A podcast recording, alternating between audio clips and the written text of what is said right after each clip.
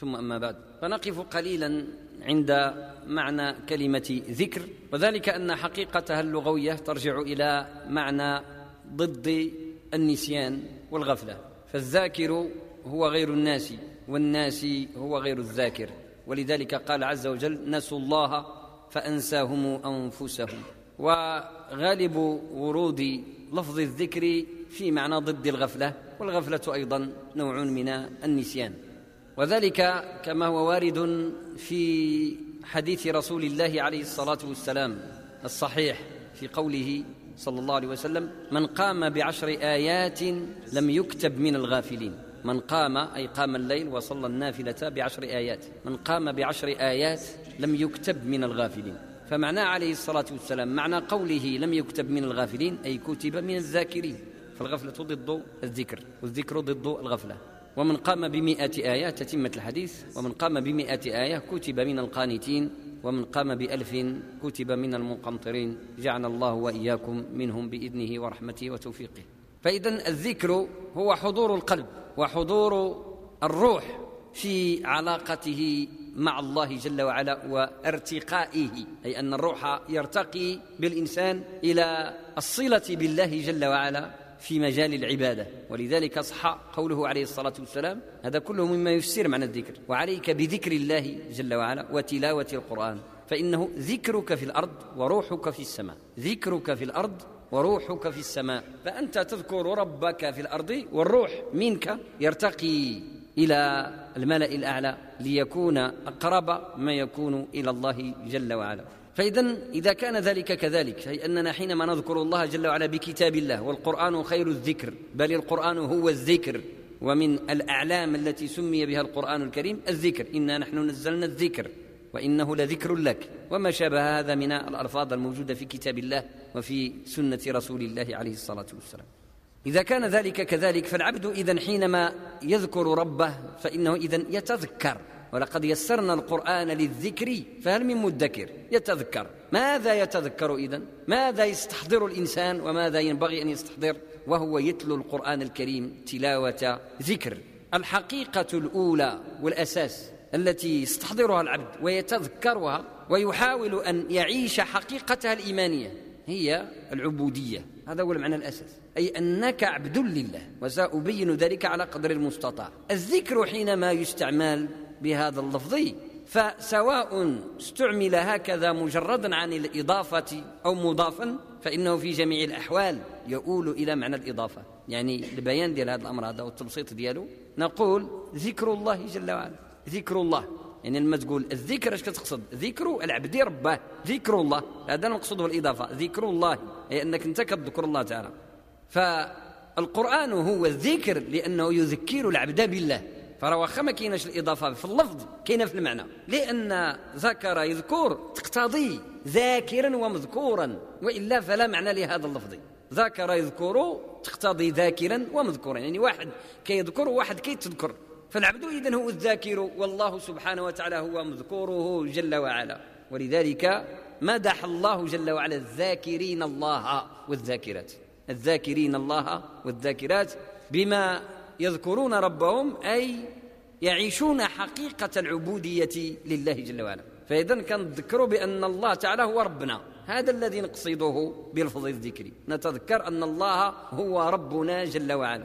وهذه يعني درجة درجة كنمشيو الآن مع هذا المعنى ديال الذكر. إذا إذا كنا نقصد بالذكر أننا نتذكر ونتحقق ونعيش هذا المعنى. نتحقق هذا المعنى ونعيشه أي أننا عباد لله جل وعلا. أننا نحن العباد وأنه هو تعالى رب العباد. ولذلك كنوجد كثير من الأحاديث النبوية. وكذلك الآيات القرآنية طبعا. بل القرآن كله قائم على هذا المعنى.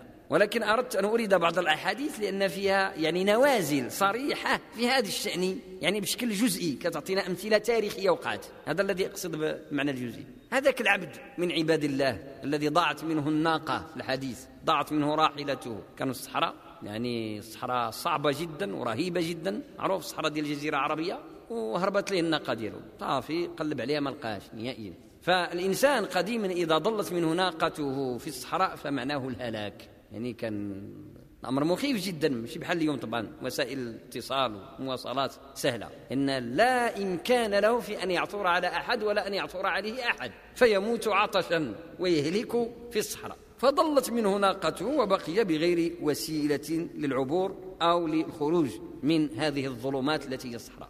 فطبعا الإنسان في مثل هذه اللحظة يصاب بالفزع الشديد. استغاث ربه ثم نام. يعني نام كأنه يعني حزن أو يعني أصابه نوع من اليأس. في أن يجد مسلكا أو مخرجا فاستسلم للموت ونام على جنبه في الصحراء. فلما استيقظ فإذا بخطام ناقته متدل عليه. استيقظ وكي كيف كيف على الناقة ديالو واقفة عند راسه والجم ديالها مدلل على يده فالنبي عليه الصلاة والسلام سيدنا محمد عليه الصلاة والسلام يخبرنا بهذه القصة العجيبة ويريد عليه الصلاة والسلام أن يعطينا مثلا على فرحة الرب بتوبة العبد. الله أفرح بتوبة عبده من أحدكم يجد ضالته أو كما قال عليه الصلاة والسلام حتى جاء بهذا اللفظ الخاتم لهذه القصة فقال العبد أي هذا الأعرابي الذي وجد ناقته بالمفاجأة وبالفرحة قال اللهم أنت عبدي وأنا ربك. قال عليه الصلاة والسلام أخطأ من شدة الفرح. يعني فرح لواحد الدرجة أنه باش يقول اللهم أنت ربي. قال له اللهم أنت عبدي وأنا ربك. سبحانه وتعالى عن ذلك علو كبيرا ولكن الله عز وجل يقبل من عبده إذا صدق القصد وإن أخطأ في اللفظ. ربي سميته الرحمن الرحيم. يتجاوز عن أخطاء العباد غير المقصودة ولكن إحنا نستعملون المقصود. شنو هو المقصود؟ اللهم أنت ربي وأنا عبدك هذا الشيء اللي بغى يقول هذا الرجل هذا الاعرابي اللهم أنت ربي وأنا عبدك يعني العبد ماذا حصل له في هذه اللحظة؟ هذا السيد هذا دابا هذه النازله التاريخية شنو وقع له وقع له أنه شاهد شاهد الربوبية ديال مولاه اللي خلقه شاهد النعمة. يعني شعر بأن الله كاين. مناش من واحد المثال حي يعني أحياه من بعد ما أماته. هذه القصة. بحال واحد كيغرق في البحر حتى يئس من نفسه ويئس الناس منه. فتداركته رحمة الله وألقت به الأمواج على الشاطئ حيا يرزق. يعني مات وحيا ثم الإنسان كيشاهد الإرادة الإلهية كيشاهدها بعينه. فهذا العبد شاهد الإرادة الإلهية شاهد أسماء الله وصفاته سبحانه وتعالى تتصرف فيه هو بما هو جل وعلا محيين بما هو جل وعلا مميت بما هو سبحانه وتعالى فعال لما يريد. رحمن رحيم يعني القدرة الإلهية تجلت له أنئذ. فشعر هو هذاك العبد بأنه عبد وشعر بأن مولاه اللي خلقه ربه مولاه اللي خلقه. اللهم أنت ربي وأنا عبدك فإذا ما هذه اللحظات؟ إيش غتسمى؟ لحظات ذكر. هذا المقصود بالذكر. يعني عاش واحد الحقيقة إيمانية واضحة. فحينما نذكر ربنا بالألفاظ وبالتلاوة فإنما نريد أن نرتقي إلى هذا المستوى من الحياة الإيمانية. كي يحاول العبد بتلاوته القرآن وبالذكر وبسائر الأذكار من القرآن أو من السنة باش يعيش هذه اللحظة ويحقق هذه الحالة الإيمانية العالية الرفيعة التي يشاهد فيها جمال الربوبية. كيشاهد فيها جمال الربوبية وجلالها. الجلال ديال الله تعالى والجمال دياله سبحانه وتعالى كيف يتصرف بأسمائه الحسنى وصفاته العلى في ملكه وملكوته. من اللي تشاهد هذه الحقيقة كتوجد لذة في أن تكون عبدا لله وأنك عبد لهذا الرب الكريم بهذه الصفات وبهذه الكمالات. له الجلال وله الجمال سبحانه وتعالى. في حديث آخر لرسول الله عليه الصلاة والسلام وهو سيد الاستغفار المشهور الصحيح المتداول. في الألفاظ ديالو اللهم أنت ربي لا إله إلا أنت خلقتني وأنا عبدك. وأنا على عهدك ووعدك ما استطعت. أعوذ بك من شر ما صنعت. أبوء لك بنعمتك علي وأبوء لك بذنبي. فاغفر لي فإنه لا يغفر الذنوب إلا أنت. هذا الحديث وهذا الدعاء سمى سيدنا محمد عليه الصلاة والسلام سيد الاستغفار. سيد الاستغفار. يعني ما كاينش شي لفظه في الاستغفار أعلى من هذا ولا أحسن من هذا. بنص الحديث. ماذا فيه؟ المقدمة ديالو المنطلق ديالو. العبد كيتوجه المولاه بالثناء عليه جل وعلا بكونه ربا خالقا له وباعتراف العبد بعبديته لله. اللهم أنت ربي خلقتني. فيذكره سبحانه وتعالى بصفه الخالقية اللي هي الصفة المهيمنة على الكون كله خالق كل شيء وهو على كل شيء وكيل. جل وعلا. وأنا عبدك. بما خلقتني بما رزقتني بما بما لأنه من اللي خلقك راه تضمن جميع الأمور التي ستأتي بعده لأنه هو ملشي تعالى وتقر له بالربوبية. اللهم أنت ربي أنت مولاي اللي ما عنديش شيء يعني مرجع أرجع إليه سواك. أنت أعطيتني أنت خلقتني أنت سيدي أنت مولاي. اللهم أنت ربي. واذكروا بأخص خصائص الربوبية قال له خلقتني. وأقر في نفسه بالعبدية لله. وأنا عبدك. خاضع. ما عندي فين نمشي وما عندي فين نولي لا ملجأ لي منك إلا إليك. والعبد لا يتصرف إلا بإذن سيده. أي تصرف ما يمكن له يدير شي حاجة حتى يستأذن مولاة. هذا عبد. إلا كيدير شغاله براسو ماشي عبد. هذا راه ديال راسو. ولذلك قال اللهم أنت ربي وأنا عبدك. وفي هذا الحديث اللهم أنت ربي خلقتني وأنا عبدك. في زيادة وبيان لا أقل ولا أكثر وإلا في المعنى واحد. اللهم أنت ربي وأنا عبدك.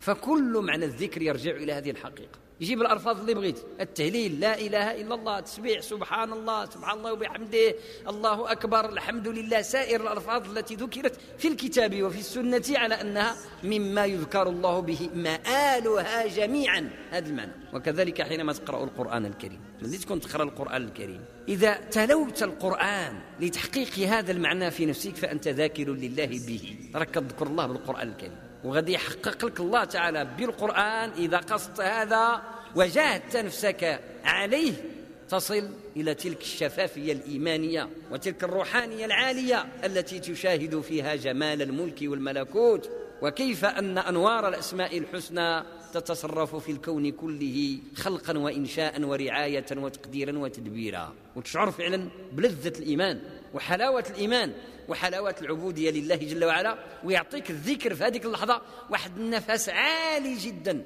ترجع به إلى الحياة الاجتماعية بقوة معنوية عالية جدا. والذكر بهذا الشكل كيداوي يعالج ويشفي يداوي اللطائف ديال النفس من الأمراض والجراح. التي تنال الروح وهي تسعى في مثل هذه الظلمات من الفتن الظاهرة والباطنة والتي لا يكاد يخلو منها زمن من الأزمنة لكن بعض الأزمنة تغلب عليها الفتن وإلا في الدنيا كلها فتنة الأموال والأولاد وما شابه ذلك ولكن طبعا فتن آخر الزمان هي من أشد الفتن على الناس. فإذا الإنسان في الحياة دياله الاجتماعية اليوم يوميا كيتجرح لأنه الذنوب والأكدار التي تشهدها وتصطدم بها وتصدمك في كل حين. راه ما سهلاش. يعني بحال الانسان غادي في واحد الغابة ديال الشوك كتدخل من هنا باش تخرج من ليه ما غتسلك حتى يطيب لك جلدك بالشوك فيجري دمك على جوارحك وجلودك. كتحتاج لضمادات فصمة والدواء العلاج. النفس أو الروح تعاني في أيام الفتن وأزمنتها مثل هذا. فكيحتاج المؤمن لضمادات وعلاجات وليس له غير القرآن الكريم ذكرا. ذكر الله تعالى يعالج علاج سريع جدا ويردك القوة ديالك كما كنت قبل لحظات من قوتك. ولهذا المؤمن حينما يذكر ربه يرتقي إلى حالة إيمانية عالية ويتخلص من أمراضه وأدوائه وجروحه فيجد راحة ويجد قوة.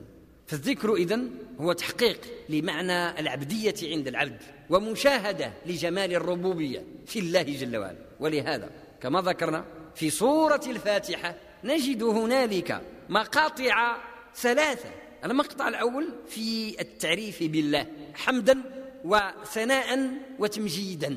والمقطع الثاني الإقرار لله جل وعلا بالعبدية من العبد تجاه المولى الرب سبحانه وتعالى. تقر له بتوحيد الألوهية. فأنت يعني تحقق معنى العبدية وتقر وتعترف وتشهد وتلتزم. هذاك الالتزام حينما تقول إياك نعبد وإياك نستعين. فابدأوا الكلام من السورة الحمد لله رب العالمين. الحمد لله. حمدني عبدي كما في الحديث الذي يعني ذكرناه مرارا وتكرارا. إذا قال العبد الحمد لله رب العالمين قال الرب حمدني عبدي. وإذا قال الرحمن الرحيم قال الرب جل وعلا أثنى علي عبدي. وإذا قال ملك يوم الدين قال مجدني عبدي. فإذا قلت آنئذ إياك نعبد وإياك نستعين يقول رب جل وعلا هذا بيني وبين عبدي. إن هذا هذا إقرار وهذا التزام. غادي نشوف اش غادي دير واش فعلا ستلتزم بما تقول أم لا. إياك لأن هذا إقرار والتزام وشهادة. إياك نعبد وإياك نستعين. آنئذ يؤذن لك أن تدعو مولاك فتقول اهدنا الصراط المستقيم. صراط الذين أنعمت عليهم غير المغضوب عليهم ولا الضالين.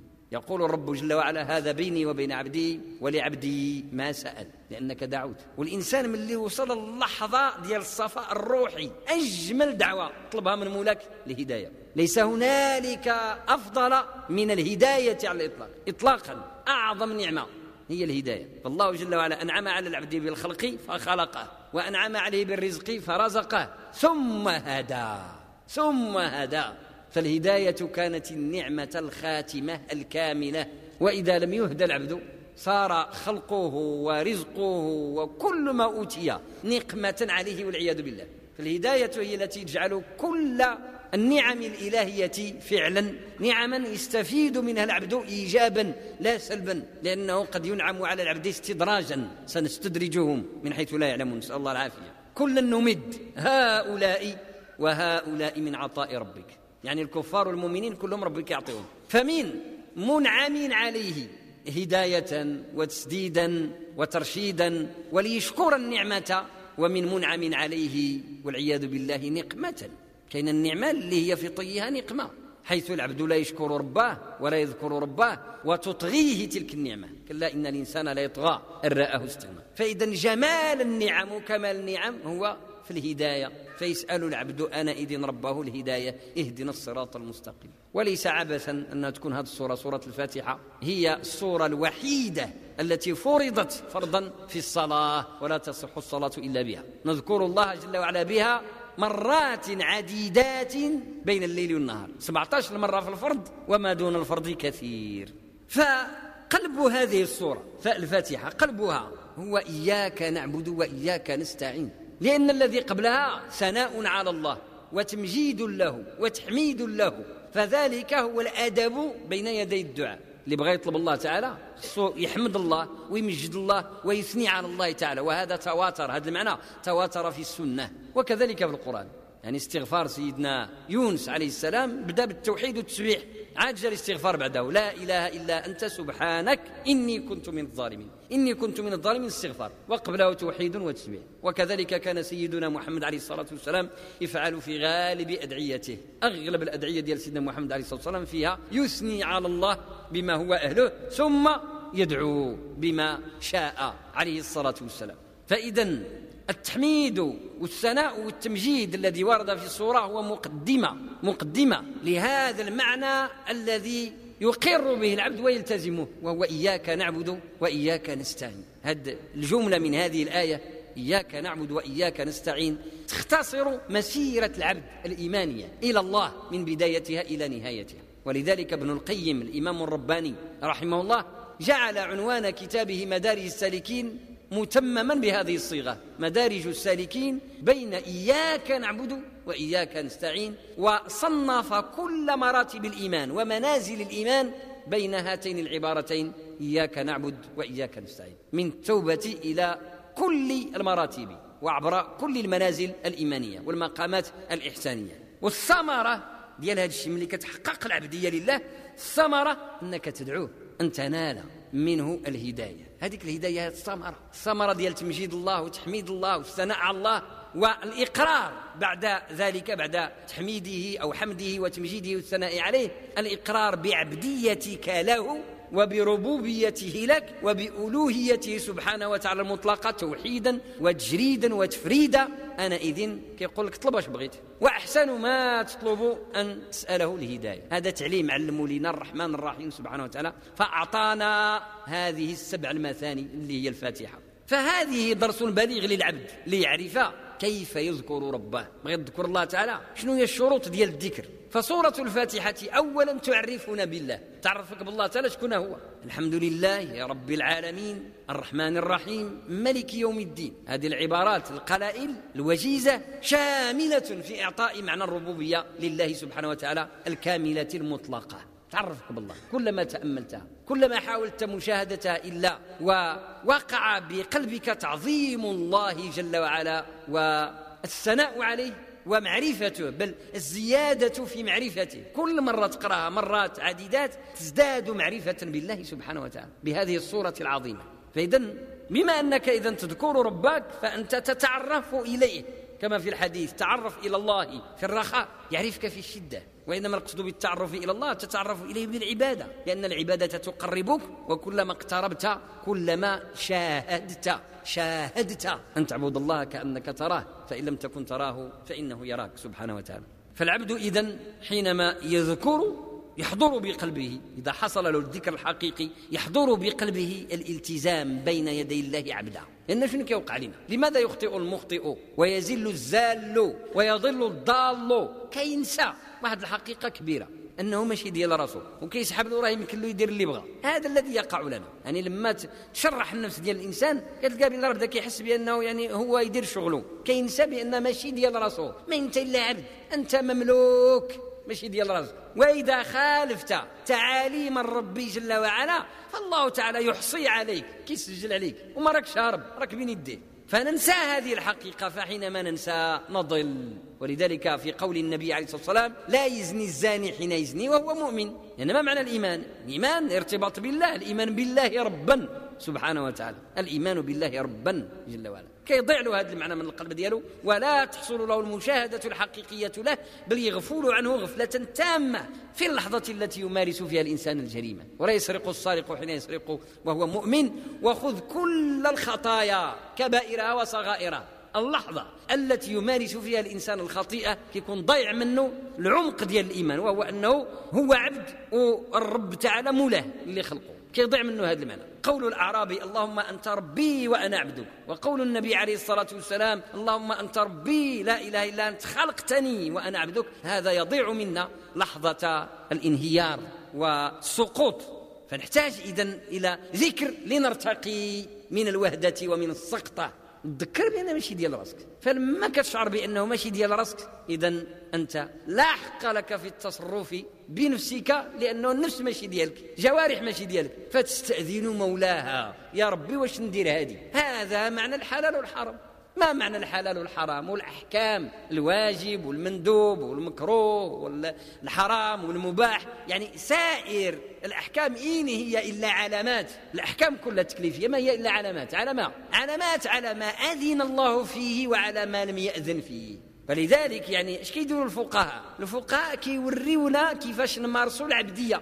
لما كتمشي تسول على هذه حلال هذه حرام. وهذه نفسية إيجابية جيدة جدا تدل على حياة صاحبها. يعني بنادم اللي باقي كيسول على الحلال وحرام راه باقي فيه الحياة مازال ما مات شيء. لتنزل من كان حيا الحياة الإيمانية يعني ويحق القول على الكافرين. فاذا أنت كتسول آنئذ على ما آذن الله لك فيه. شكون اللي عندك فيها الإذن ديرها واللي ما عندكش الإذن فيها ما ديرهاش اذا هذه ممارسة العبدية. فالناس مع الأسف بعض الأحيان كيضيع منهم هذا المعنى هذه البوصلة راه البوصلة اللي كتفهم بها الدين شكون هو وتفهم بها الأحكام التكليفية شكون هو. وكيقدر هذا المعنى والعياذ بالله يضيع حتى الفقيه حتى الفقيه يمشي له هذا المعنى ويتلف له إلا تلف له صافي. سيصبح مضلا لا هاديا ما يبقاش يرشد الناس يولي مضل. والعبد إذا ضع له هذا المعنى المستفتي لن يصل إلى حقيقة الإذن ولكن سيصل إلى ضلال. أنا أعطيكم أمثلة واقعية من الواقع وبعضها من التاريخ. من اللي نجي أنا نبدأ نستفتي على حقيقة من الحقائق المحرمة كالربا أو ما شابه ذلك ونبدأ ندير الحيلة للفقيه. نبدأ نقول له عندي الضرورة ونصوغ له حتى نحاول نقنعه وأنا عندي الغرض نطلع منه الاجابه باش يقول لي سير كل هذا الربا وسير خذ هذا الربا المعين. فأنت انئذ يعني في الدين ديالك ما عندكش أنك باغي تشوف الإذن ديال الله واش عاطيك الإذن ولا ما عندكش. اذا هذا المعنى اذا ضاع منك لن تحصل على المعنى الحقيقي للتعبد. والعبدية ما عندكش حصلة بالشكل الجيد. فإذا كنت تسأل عن الحكم الشرعي وتريد أن تجعل هذا الإمام أو هذا المجتهد أو هذا الفقيه دالا على الطريق إلى الله. لا أقل ولا هو غير كيوريك الطريق. وإلا ما غاديش هو عنده. ما كتعبدوش هو. تتعبد الله. من كان يعبد محمدا فإن محمدا قد مات. ومن كان يعبد الله فإن الله حي لا يموت. ولذلك بعض الأحيان الإنسان اللي فيه الصدق واخا الفقيه كيعطيه الإذن في بعض الأشياء كيقدر ما يطمئنوش قلبه. لأنه إنما يريد إذن الله. لا إذن الإمام أو فلان أو علان. يقول لك فلان الفلاني في التلفزيون أباح الربا. الله يربحه. ولكن أنا بغيت نشوف هل الله جل وعلا أباحه. هذا هو اللي كيهمني أنا. أريد أن أعرف إذا مارست الخطيئة الفلانية أو العلانية هل فعلا أكون عبدا؟ راني مع الله مزيان ولا راني مخسر؟ هذا إذا حرص عليه العبد ربي تعالى ما يضيعكش. والذين جاهدوا فينا لنهدينهم سبلنا. إن بنادم كيجي الشيطان كيقول له دابا تضيع في حقك. يا كان تشاطروا مع ربي ما تخاف والو ربي ما يضيعكش. والله يا أخي من ترك شيئا لله عوضه الله خيرا منه. هذا معنى شرعي متواتر كلي من الكليات ديال الإسلام. من ترك شيئا لله عوضه الله خيرا منه. ما تخافش. واخا يبان لك انت في الداير بالله راه شي حاجة اللي تستحقها وضعت لك. راك مع الله. إن كنت تتعامل مع الله فالله جل وعلا يرقبك ويعلم حقيقتك ويعلم ما ضرتك. ما غاديش يخليك في الضيق. ومن يتق الله يجعل له مخرجا ويرزقه من حيث لا يحتسب. ما تحسبش مع الله تعالى بزاف. ما تحسبش مع الله تعالى بزاف. فبني على التوكل. وما معنى التوكل؟ أن تشاهد كمال الربوبية. قادر باش يرزق قادر باش يعطي قادر باش يخرق الخوارق اللي راها. سد عليك انت الباب في الظاهر. الله تعالى إلا بغى يعطيك وبغى يمن عليك. ما كاينش شي حاجة اللي تمنعك وما كاينش شي حاجة اللي تمنعه سبحانه وتعالى. فهل أنت حققت رضا الله أم لا؟ إنما تحقيقه باتباع طريق الإذن. فقد يضل الإنسان مفتيا أو مستفتيا عن هذا المعنى. فإذا ضل عنه ضاع منه كل شيء أنا إذن. ما كتبقاش الأحكام الشرعية علامات على الإذن الإلهي. ما كتبقاش بهذا المعنى. لأنك لا تطلب هذا المعنى. هذا المقصد اللي هو الإذن الإلهي أنت كاع ما كتقلب عليه. كتقلب غير على الشكل. باش تقول تقلدها الفقيه لا حتى أنت راك مقلدها قال. هذا غلط شائع. سيئة من السيئات الثقافية الشائعة. هو فعلا كيتحمل مسؤولية ولكن انت لأنك حفرت له. انت باغي انت كتقلب باش توصل. إلا باغي توصل للحرم غتوصل له وتحايل عليه. كذلك صنع اليهود من قبل. لكن الله تعالى مطلع يعلم خائنة العيون وما تخفي الصدور. ما من دقيقة تضيق بالعبد. والتجأ العبد إلى الله صادقا والله لا يفرجن عليه. أم يجيب المضطر إذا دعاه ويكشف السوء؟ لما لا نؤمن بالله؟ لأن هذا هو المطلوب تأمن بالله تأمن بالله. إيش معنى تأمن بالله؟ تأمن بالله بأنه قادر يدير كل شيء. وإذا سألك عبادي عني فإني قريب. أجيب دعوة الداعي إذا دعان. فليستجيبوا لي وليؤمنوا. يآمنوا بأنني أنا الله الرب القادر على كل شيء. وليؤمنوا بي. لعلهم يرشدون. باش غادي يقرطوا الطريق الحقيقية ويمشي نيشان ما يعواش فالعبد إذا إذا التجأ إلى مولاه صادقا صادقا يريد أن يكون عبدا. أش باغي باغي نكون عبد. ماشي ديال راسي ديال مولاي. فأنت آنئذ قد فعلا وقعت على الطريق وهديت. هذيك هي الطريق وهذيك الهداية. ولذلك حينما يمدح الرب جل وعلا خلقا من خلقه يقول نعم العبد نعم العبد. عبد لأنه ما بقى لراسو منه والو. يعني سليمان أو داود أو أيوب أو محمد عليه الصلاة والسلام سائر الأنبياء والرسل الذين ذكر في حقهم صفة العبدية. سبحان الذي أسرى بعبده ليلا من المسجد الحرام إلى المسجد الأقصى الذي باركنا حوله لنريه من آياتنا بعبده. ومعروف أن الإسراء استتبع العروج أو المعراج. وش معنى هذه العملية؟ ارتقاء رقي رقى. رقى النبي عليه الصلاة والسلام وارتقى في الطبقات من السماوات إلى سدرة المنتهى. فهذه الحالة ديال الطلوع والعلو سمى عبد لأنه قداش ما هو خضع قداش ما الله تعالى كيعليه وفي الحديث وأقرب ما يكون العبد العبد من ربه وهو ساجد. فأنت ملي تكبرت كبيرة الإحرام بل ملي كتوضى الصلاة وأنت تمارس العبودية. راك يعني جاي لله. فتكبر تكبيرة الإحرام وأنت قائم تقرأ الفاتحة وما بعدها وتركع. كل ذلك راك تمارس العبودية. وراك كتقرب كتقرب كتقرب حتى توصل أقرب نقطة ما كتكون الجبهة ديالك في الأرض. وأقرب ما يكون العبد من ربه وهو ساجد. فلهذا إذن الصفة ديال العبدية هي أعلى صفة وأشرف صفة يمكن يحصل عليها بنادم في الدنيا والآخرة. أشرف صفة وأعلى صفة وأجمل صفة إيمانية. يحقق الإنسان أن يكون عبدا.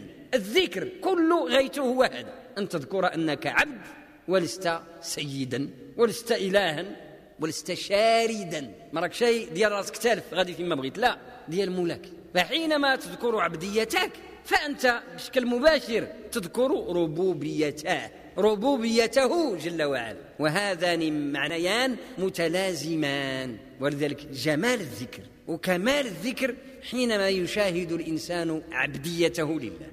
واحد الرتبة تكلموا عليها بعض الناس من أهل السلوك قديما كيقولوا بأنه أو بعضهم ماشي كلهم كيقولوا بأنه يعني أكمل مرتبة ديال العبادة أن يفنى الإنسان عن نفسه في الله. فلا يشاهد نفسه وإنما يشاهد الله تعالى. واحد العدد العلماء ردوا هذا المعنى. قالوا هذا معنى باطل وغير صحيح مطلقا بل هو معنى ناقص ليس كاملا. وإنما الكمال ألا تفنى. بل أن تبقى بعبديتك لله. يعني حاضر في نفسك أنك أنت كاين. ماشي غير ربي جعل اللي كاين هو الوجود ديالو هو الوجود الحق ووجودك تبعي ولكن باش بكونك عبدا لأن شنو الدين؟ أن تمارس العبدية.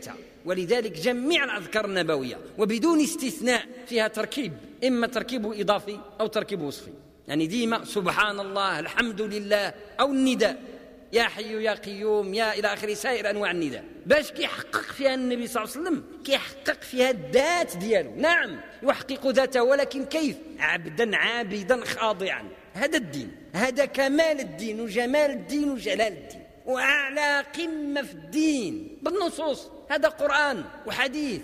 وأقرب ما يكون العبد من ربه. ماشي من اللي يفنى لا. وهو ساجد حاضر وشاهد الحضور ديالو. ولذلك المنزلة الحقيقية يعني العليا من منازل الإيمان هو شهود. شهود يعني ان تشهد أنت عبديتك لله. أن تعبد الله كأنك تراه. نصوص واضحة في هذا أن تعبد الله كأنك تراه. فلا بد الفاعل الفاعل من الإنسان يكون حاضر ما يكونش غيب. وهو أن تعبد من العابد؟ الفرد الإنسان والمعبود الله. فإذا كيتميز الوجود بكون الرب جل وعلا معبودا خالقا مهيمنا متوجها إليه توحيدا وتفريدا وبكون العبد خاضعا خضوعا مطلقا. أما اللحظة اللي كيفنا فيها الإنسان هي لحظة ديال الضعف الضعف. ماشي اللحظه ديال القوة لحظة الضعف. يعني اللحظة لما تجلى فيها الربوبية بقوة يصاب الإنسان بالصعق ما كيبقاش. فلما تجلى ربه للجبل جعله دكا وخر موسى صاعقا. صافي غاب غاب. واللي غاب رفع عنه التكليف. ولكن ربي تعالى أعطانا الحياة وأعطانا العقل ليكون التكليف حاضرا.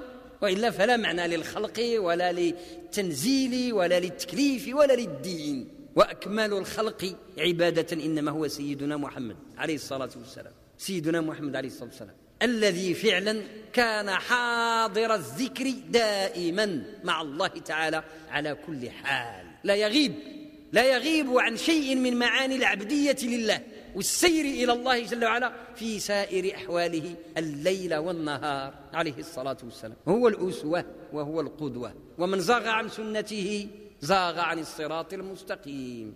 يعني خص الإنسان فعلا يذوق المعاني ديال الدين ويحاول ما أمكن يوصل لمقاصد ديال الألفاظ ديال سيدنا محمد عليه الصلاة والسلام حينما يوجهنا إلى هذه المعاني الكبار. باش ما يبقاش الإنسان شد في القشور من الألفاظ ويغلط ما يأخذ شيء المعاني. لأن ما وظيفة الألفاظ؟ هو تقييد المعاني. فإلا شديت في الألفاظ وخليت المعاني لم تحقق شيئا. ولذلك قلنا الذكر حينما تذكر ربك ينبغي اذا أن تسعى. إلى تحصيل هذا المعنى من عبديتك له ومن ربوبيته جل وعلا لك وعليك سبحانه جل وعلا من إله رحمن رحيم فأنت اذا ملي تبدأ هذه العلاقة بينك وبين الرب تحقق بالتالي وبشكل مباشر تحقق ما يسميه العلماء بتوحيد الألوهية. يعني أنك تسير إليه بذكرك بالرغب والرهب ويدعوننا رغبا ورهبا. إنهم كانوا يسارعون في الخيرات ويدعوننا رغبا ورهبا. يعني الخوف والرجاء. كل معاني العبادة لا تخرج عن هذين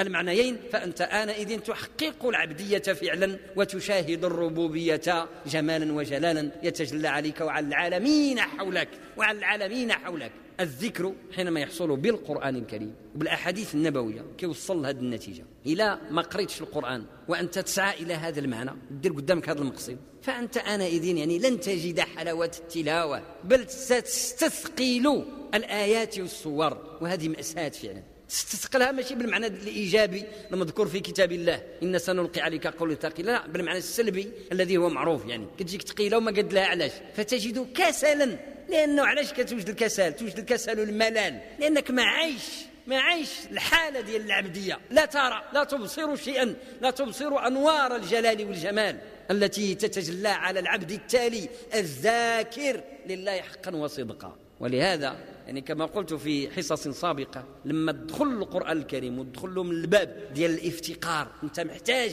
ربي تعالى كيكرمك بهذه المعاني. لن تجد أبدا فيها مشقة لأن راه ماشي هي فهمت. لا هي صدق. ليست علما يعني يؤخذ من الكتب والأوراق وإنما هي صدق مع الله. أصدق الله تجد هذا وزيادة. وقول الله جل وعلا واضح ولقد يسرنا القرآن للذكر. فهل من مدكر؟ فاللهم اجعلنا من الذاكرين واجعلنا من التوابين. برحمتك يا أرحم الراحمين. وصل اللهم وسلم وبارك على سيد الاولين والآخرين. وآخر دعوانا أن الحمد لله رب العالمين. ودوما يتجدد اللقاء بمشيئة الله تعالى مع تحيات أبو هاجر. والسلام عليكم ورحمة الله وبركاته.